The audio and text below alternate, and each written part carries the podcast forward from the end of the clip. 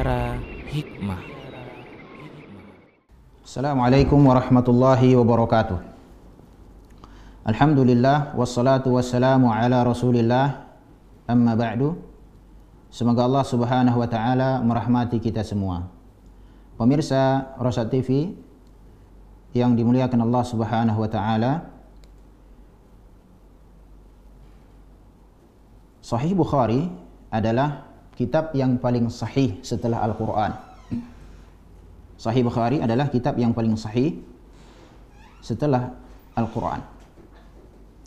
Tapi tahukah kita bagaimana Al-Imam Al-Bukhari rahimahullahu taala menempuh begitu banyak atau menempuh jalan yang begitu jauh dalam mengumpulkan hadis-hadis yang sahih yang bertebaran di sejumlah ahli ilm para ulama menjelaskan Al-Imam Al-Bukhari menempuh hampir 13.000 kilometer untuk mencari hadis-hadis yang sahih mengumpulkan hadis-hadis Nabi yang mulia alaihi salatu wasalam lalu beliau bukukan beliau cantumkan di kitab sahihnya yang dikatakan para ulama itu yang mencapai kurang lebih 9000 hadis yang secara berulang atau kurang lebih 3000 hadis apabila tidak berulang sehingga kita atau para penuntut ilmu di kemudian hari mendapatkan kemudahan untuk menemukan hadis-hadis yang sahih. Begitu juga kalau kita perhatikan para ulama menghabiskan waktunya untuk mencari ilmu, menulis, kemudian ditinggalkan karya-karya tulis di kemudian hari yang bisa kita nikmati pada zaman sekarang ini. Walhamdulillah. Ini adalah salah satu fenomena keajaiban para penuntut ilmu para ulama kita. Rahimahullah. Semoga Allah merahmati rahimahullah merahmati mereka semua bagaimana mereka itu bersungguh-sungguh untuk mencari al-ilm? Tapi pernahkah kita bertanya mengapa mereka menghabiskan waktu mereka mayoritas waktu mereka itu dalam rangka mencari al-ilm? Menempuh waktu menempuh perjalanan yang yang begitu jauh dalam rangka mencari hadis-hadis Nabi yang mulia alaihi salatu wasalam bahkan sebagiannya yakni berpindah-pindah tempat ya berguru dari satu ulama ke ulama yang lain apa rahasianya ini bukan tidak mungkin mereka itu juga menyibukkan diri untuk mengumpulkan dunia. Para ulama bukan tidak bisa mengumpulkan dunia ini, tapi mereka memang tidak mau. Apa rahasia di dalam uh, uh, perbuatan atau yakni uh, perjalanan para ulama dalam mencari al-ilmu? Apa keistimewaannya? Apa keutamaan al-ilmu? Sampai-sampai para ulama menghabiskan waktu mereka menempuh perjalanan yang tidak seperti pada zaman sekarang ini. Mungkin ada pesawat, ada ada sarana transportasi yang memudahkan. Pada zaman dahulu perjalanan dalam mencari ilmu itu luar biasa. Sampai-sampai para ulama menulis karya karya tulis seperti Imam Al-Baghdadi, Khatib Al-Baghdadi, Ar-Rihlatu fi Talab al-Ilm.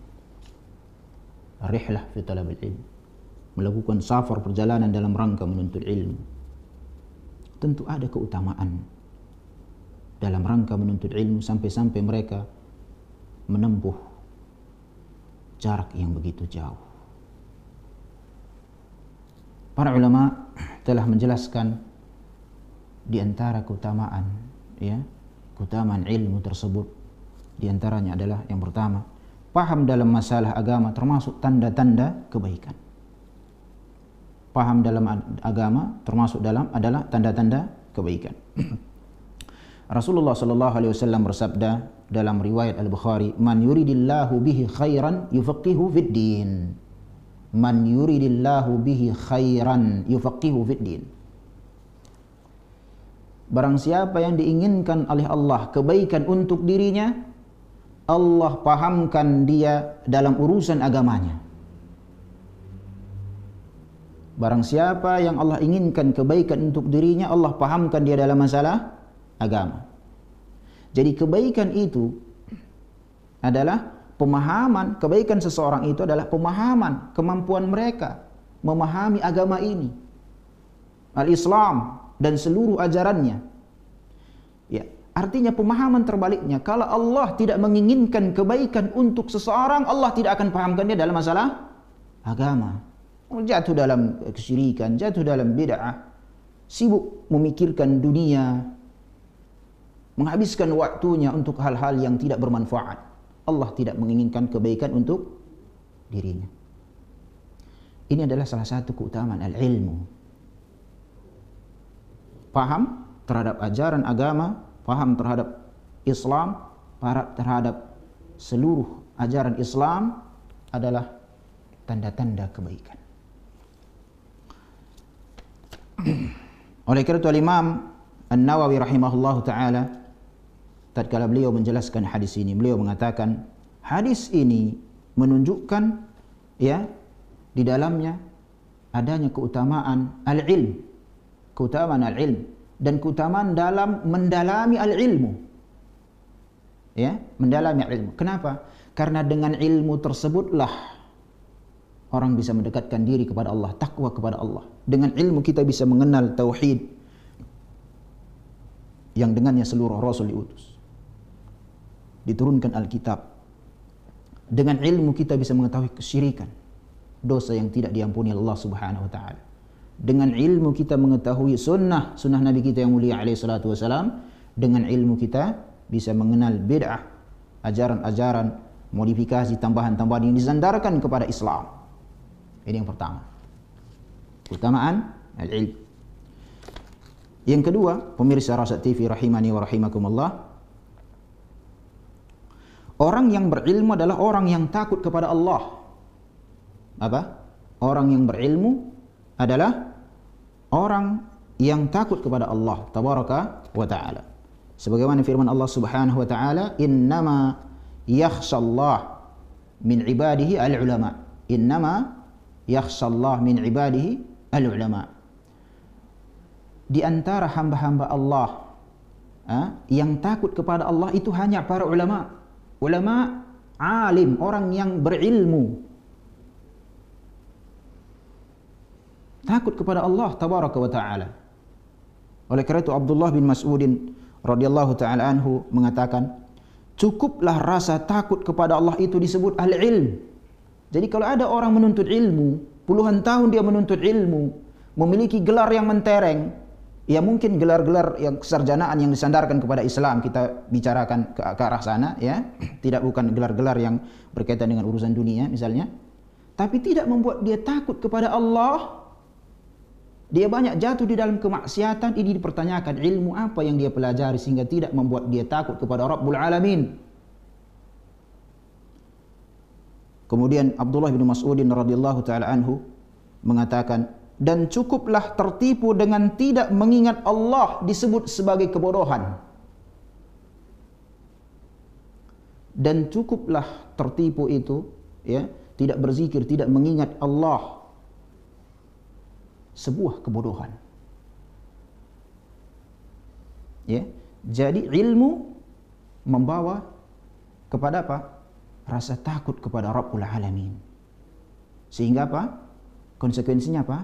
Akan memperhatikan perintah-perintah Allah Subhanahu wa taala dan menjauhi apa-apa yang Allah Tabaraka taala larang. Imam Ahmad mengatakan dalam salah satu perkataannya, pokok ilmu adalah rasa takut kepada Allah. Pokok, pokok ilmu, pondasi ilmu itu adalah rasa takut kepada Allah Tabaraka wa taala. Kalau ilmu tersebut tidak membuat seseorang takut kepada Allah, maka itu bukan ilmu. Itu bukan ilmu. Oleh kerana itu berapa banyak kita lihat orang-orang yang ahli pakar di uh, urusan dunia ini malah membuat dia jatuh dalam keyakinan batil kuf, kafir yang sangat nyata, ya, kekufuran yang sangat nyata.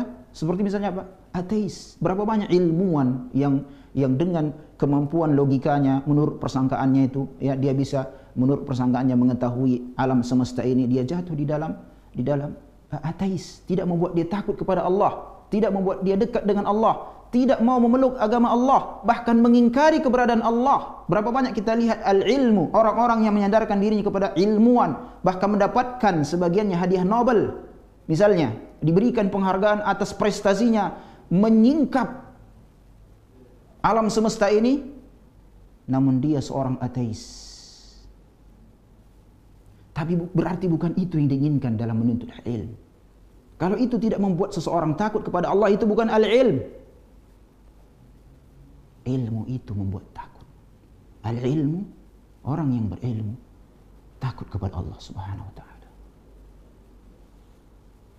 Kemudian orang yang berilmu Allah akan angkat derajatnya, keutamaan berikutnya.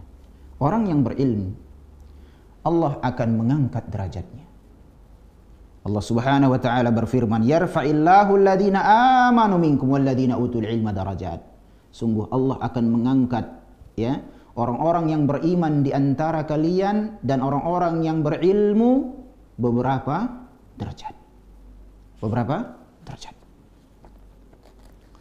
Sebagaimana sabda Nabi kita yang mulia alaihi salatu wasalam, "Innallaha yarfa'u bihadzal kitab aqwam, aqwaman wa yadha' bihi akharin. Allah sesungguhnya Allah akan mengangkat dengan kitab ini beberapa kaum dengan Al-Qur'an. Allah angkat sebagaimana Allah akan merendahkan dengan Al-Qur'an ini juga dengan kitab ini juga beberapa kaum yang lain. Allah akan mengangkat derajat orang-orang yang yang ber, berilmu Coba kita lihat praktek. Dalam fikih ada namanya babus said. Babus said. Salah satu alat untuk berburu adalah anjing. Anjing haram. Najis. Air liurnya. Tapi lihat tatkala anjing ini terlatih, bukan jinak yang harus dibedakan ini. Terlatih. Buruannya halal buruannya halal. Beda dengan anjing yang tidak berilmu, tidak terlatih. Seanggaplah dia jinak. Lalu dia menangkap satu buruan yang halal, ya, maka Allah tetap haramkan buruannya. Dan Allah halalkan buruan seekor hewan yang haram, air liurnya najis. Kan dia menangkap buruan dengan mulutnya itu. Tapi Allah angkat derajat hewan ini di antara hewan-hewan yang lain dengan apa? al-ilm. Itu di kalangan dunia hewan saja, apalagi di kalangan manusia. Allah mengangkat derajat orang-orang yang beriman, ber, ber, berilmu, beriman. Ini adalah salah satu keutamaan al-ilmu yang patut diperhatikan. Ikhwani, kaum muslimin, rahimani wa rahimakumullah. Al-Khatib Al-Baghdadi di dalam satu karyanya Al-Faqih Al-Mutafaqih membawakan satu asar ya, satu asar, satu kisah tentang Muhammad bin Abdurrahman Al-Auqas. Muhammad bin Abdurrahman Al-Auqas di mana beliau ini pada masanya orang yang uh, cacat lehernya sehingga sering menjadi bahan tertawaan, bahan candaan orang-orang. Lalu ibunya memberikan nasihat. Ibunya memberikan nasihat. Dia mengatakan apa? Hendaklah engkau menuntut ahli ilmu. Hendaklah engkau menuntut ahli ilmu. Maka dia pun menuntut ilmu, mendengarkan nasihat ibunya. Dia menuntut ilmu. Sehingga sampai pada masanya beliau itu diangkat menjadi qadi, hakim di kota Mekah. Hampir 20 tahun lamanya. Coba kita lihat kisah ini seorang yang jadi bahan tertawaan orang-orang karena yakni cacat fisik ya cacat fisik yang sebetulnya itu dalam Islam tidak eh, tidak boleh ya karena cacat fisik adalah ciptaan Allah ketetapan dari Allah ya kemudian kebetulan dia jadi bahan candaan bahan tertawaan Allah angkat derajatnya dia menyebutkan diri menuntut ilmu yang akhirnya mengantarkannya menjadi hakim pemutus bagi orang-orang yang berseteru di kota Mekah yang tadinya bahan candaan Jadi tempat rujukan orang-orang yang ingin menyelesaikan perkaranya. Allah mengangkat derajat orang yang berilmu. Lalu apa alasan kaum muslimin pada zaman sekarang ini bermalas-malasan menuntut ilmu? Lihat keutamaan ilmu ini. Ya. Oleh karena itu Sufyan, Imam Sufyan bin Uyainah ya, yang wafat pada tahun 198 Hijriah mengatakan, orang yang paling tinggi kedudukannya di sisi Allah, yang paling tinggi kedudukannya di sisi Allah di antara hamba-hambanya adalah para nabi dan para ulama. Yang paling tinggi kedudukannya di sisi Allah. Dikatakan seorang istinbat, pengeluaran hukum, ijtihadnya, seorang imam besar pada masanya, alim pada masanya. Dia katakan bahwasanya yang paling tinggi kedudukannya di sisi Allah. Apakah dia mengatakan para pejabat? Dia mengatakan para pemilik harta? Lah, tidak. Orang yang menuntut ilmu, tentunya yang pertama sekali apa? Para nabi. Nabi kita mengetahui para nabi tidak ada yang mewariskan kekayaan. Wariskan al-ilm. Kemudian para ulama yang mengambil warisan tersebut. Keutamaan ilmu. Ya. Hmm. Sebagaimana juga Allah berfirman, "Narfa'u darajati man nasha." Ya, kami akan mengangkat ya derajat orang-orang bagi siapa eh, siapa saja yang kami kehendaki. Sebagian ahli tafsir mengatakan uh, bahwasanya kami akan mengangkat derajat siapa saja yang kami kehendaki dengan sebab al-ilmu Bukan sebab harta, dengan sebab al-ilmu, bukan sebab kedudukan, tidak dengan sebab al-ilmu. Oleh karena itu, sebagaimana kami telah mengangkat derajat Yusuf di atas saudara-saudaranya yang lain dengan apa? Al-ilm. Dengan ilmu. Yusuf Nabiullah. Kita mengetahui bagaimana kisah perjalanan Yusuf alaihi salam. Ya, yang penuh cobaan, dipenjarakan dan lain sebagainya. Tapi di kemudian hari Allah angkat Yusuf alaihi salam dengan apa? Dengan apa? Apakah Yusuf itu dari awalnya orang yang berada atau dari awalnya orang yang memiliki pangkat kedudukan sehingga dia disegani oleh banyak orang sebagaimana tabiat manusia? Tidak dengan al-ilm. Dengan apa? Al-ilmu. Kemudian saudara-saudaraku kaum muslimin rahimani wa rahimakumullah.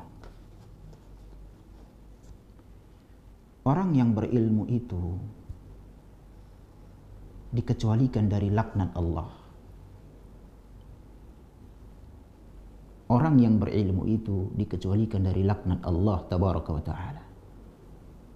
Nabi kita yang mulia alaihi salatu wasallam bersabda dalam riwayat Tirmidzi, "Ala inna dunya mal'unah, mal'unun ma fiha illa dzikrullah wa ma wa alim au muta'allim."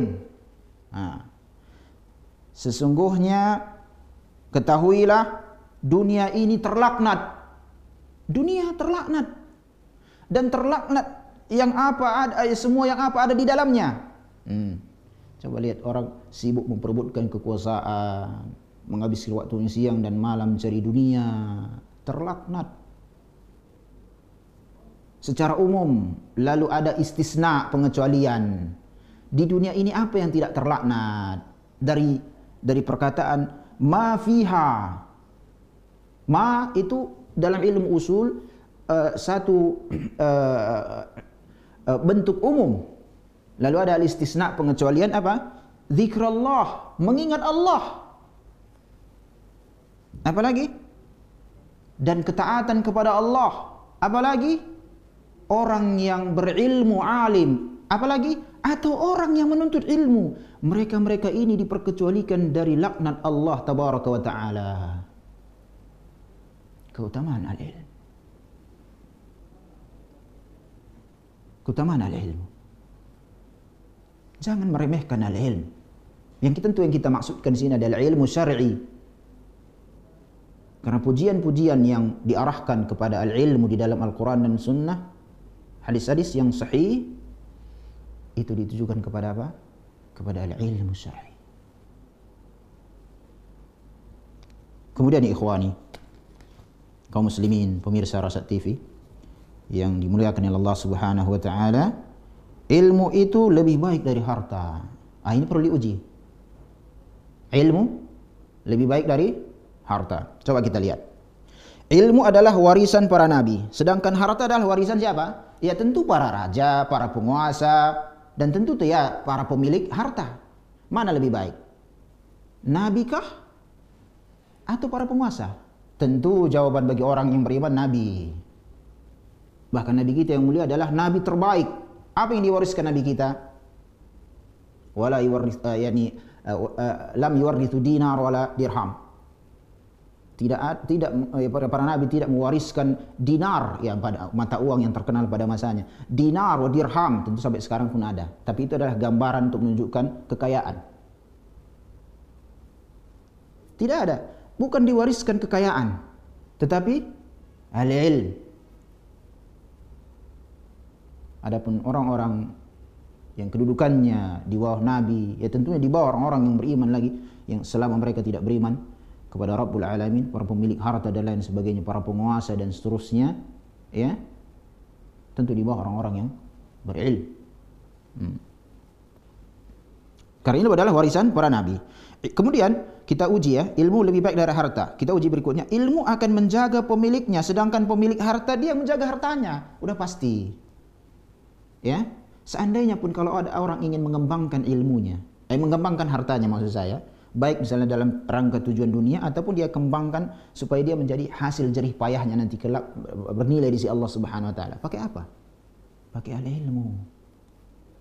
Ada kalkulasi kan? Kalau misalnya orang berbisnis kan ada kalkulasinya. Saya harus bagaimana dan lain sebagainya. Kalau saya berinfak dan lain sebagainya untuk kepentingan akhirat, pakai apa itu? Al-ilm.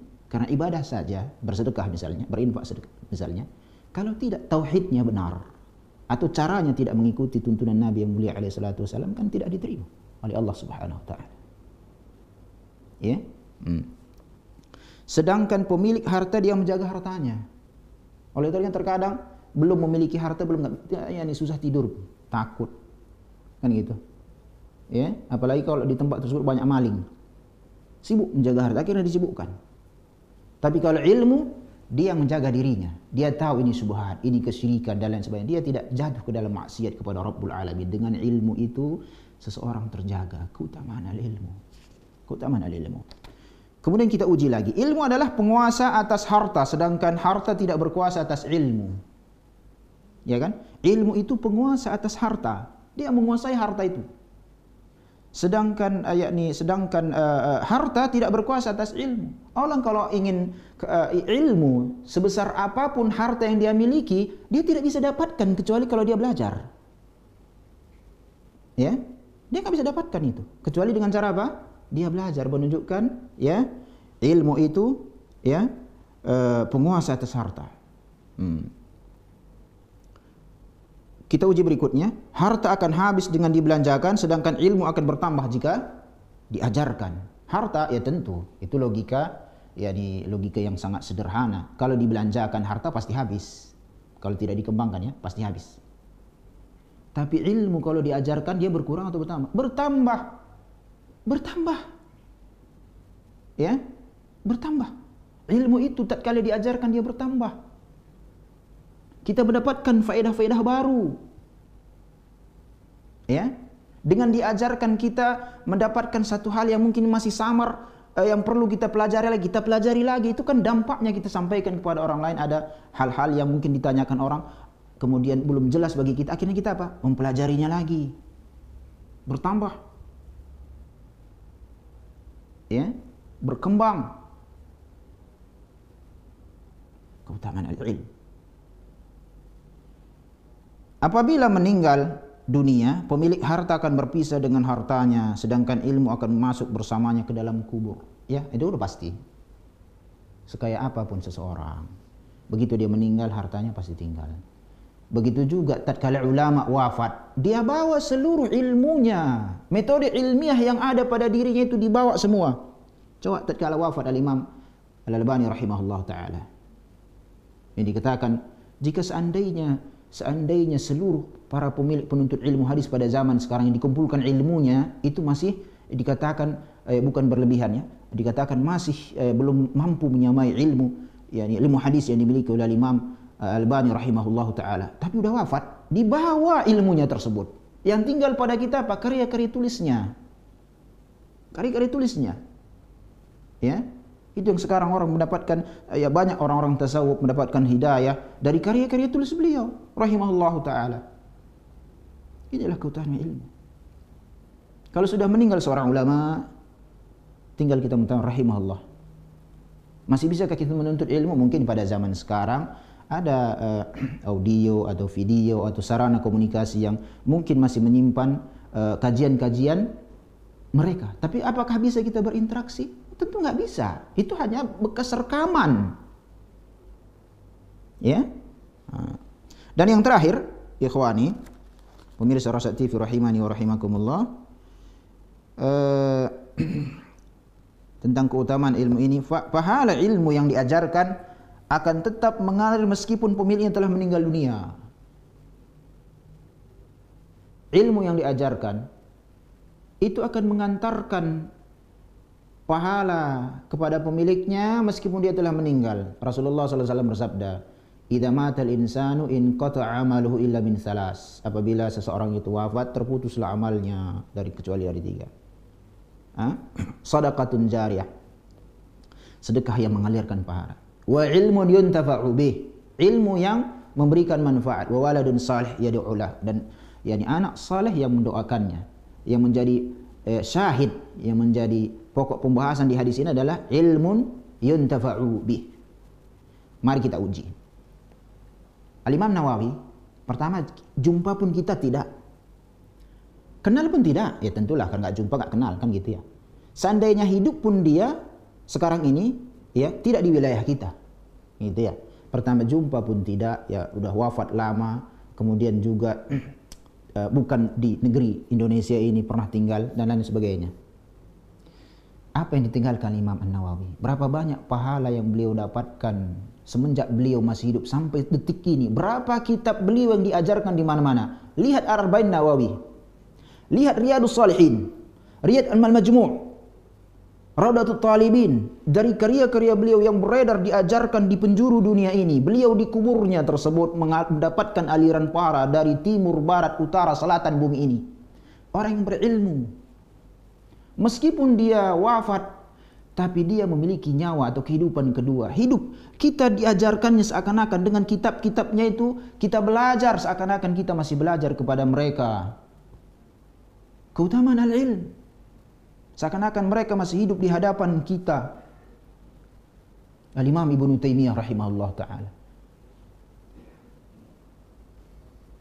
Tujuh kali di penjara. Yang ketujuhnya beliau wafat di Damaskus. Setiap di penjara keluarkan karya tulis. Yang sekarang tentunya kalau dikumpulkan uh, karya tulis beliau itu yang dipakai para ulama itu seperti uh, Majmu' Fatawa yang 37 jilid ya. Yang di tangan para ahli ilmu yang 37 jilid. Ya tentu kan ada juga versi cetakan yang lain yang tiga, tidak 37 jilid. Yang jelas di tangan para ulama itu menjadi rujukan dalam dunia ilmiah penelitian ilmiah itu yang 37 jilid. Berapa banyak karya tulis dalam Majmu' Fatawa Al-Imam Ibnu Taimiyah rahimahullah taala mengantarkan beberapa orang menulis karya-karya untuk mendapatkan gelar doktor yang ditahkik, yang diteliti cuma satu dua dari karya tulisnya. Jadi doktor dia. Ibn Taimiyah nggak ada doktor, nggak profesor. Tapi berapa banyak manusia mendapatkan pahala, eh, mendapatkan manfaat dari karya-karya tulis Syekhul Islam Ibn Taimiyah yang hidupnya tujuh kali di penjara. Berapa banyak pahala yang mengalir kepada beliau itu. Ikhwani, saudara-saudaraku sekalian, kaum muslimin, rahimani wa rahimakumullah. Lalu kenapa kita ini masih malas untuk menuntut ilmu? Ya mungkin semangat bertambah, ya imannya bertambah dan berkurang. Tapi sesuatu hal yang tidak dipaksakan tentu berat memang. Ya, oleh karena itu melalui media ini, sarana ini, mari kita terus bersabar menuntut ilmu. Khususnya dua, ya dua hal yang nasihat kita ini hendaklah uh, fokus ya. Uh, seperti misalnya akidah tauhid. Yang kedua fikih. Adapun kalau memiliki uh, ke, ke, uh, kemampuan atau keluangan yang lainnya tentu ilmu alat misalnya. Nahu saraf balaghah atau sarana-sarana pendukung, tapi minimal ini. Karena uh, amal itu tidak diterima kecuali dengan apa? Dengan Islam, yaitu kita muslim alhamdulillah. Yang kedua adalah ikhlas kepada Rabbul Alamin. Agar kita paham ikhlas ini harus belajar tauhid. Agar kita paham ikhlas itu harus belajar tauhid. Kemudian syarat yang ketiga adalah mutabah. Ada contoh dari Nabi yang mulia alaihi salatu wasalam. Agar kita paham tentang mutabah, ittiba, ada contoh kita mengetahui itu belajar fikih. Hadis-hadis hukum, ayat-ayat hukum. Dua hal ini. Luangkan waktu. Atau minimal kita memiliki satu karya tulis yang kita baca berulang-ulang dalam masalah tauhid. Seperti misalnya yang terbaik seperti kitab kitab tauhid ya karya Syekh Muhammad bin Abdul Wahab itu kitab yang sangat bagus sekali. Sebagian para ahli mengatakan barang siapa yang yang yang mempelajari dia yang kokoh dalam uh, kitab tauhid ini ya dia telah hampir mengetahui hampir mayoritas bab tentang masalah tauhid. Ya. Kemudian misalnya uh, satu kaitan yang berkaitan dengan fikih ya. Fikih yang kitab-kitab fikih banyak. Ya tentu yang kita cari yang tentu ada dalilnya ya yang memiliki dalil bukti ilmiah bahwasanya itu adalah ya hadisnya sahih dan sebagainya yang kita baca berulang-ulang sehingga kita mendapatkan gambaran fikih tersebut. Dan tatkala kita beramal kita tahu memang ini ada dalilnya. Ya. Jadi ikhwani, ini adalah di antara beberapa faedah dari keutamaan al-ilm. Banyak sekali ya, banyak sekali. Dan uh, saya nasihatkan dalam masalah ini ada karya tulis oleh Ustazuna Yazid Jawas, hafizallahu taala yang berbahasa Indonesia tentunya menuntut ilmu jalan menuju surga. Saya nasihatkan untuk dibaca, diperhatikan dan beliau juga memiliki uh, saya melihat beberapa panduan atau saran-saran atau ide ya atau misalnya uh, arahan kepada kita para penuntut ilmu atau orang-orang yang ingin menuntut ilmu ya bagaimana tahapan-tahapan menuntut ilmu. Kitab yang sangat bagus sekali, karya tulis yang sangat bagus sekali, bermanfaat ya, memberikan manfaat kepada kaum muslimin. Ikhwani teman-teman sekalian, saudara-saudaraku pemirsa Rosat TV, demikian ya. Mudah-mudahan uh, bermanfaat. Wassallallahu wasallam ala nabiyina Muhammad wallahu a'lam. Assalamualaikum warahmatullahi wabarakatuh.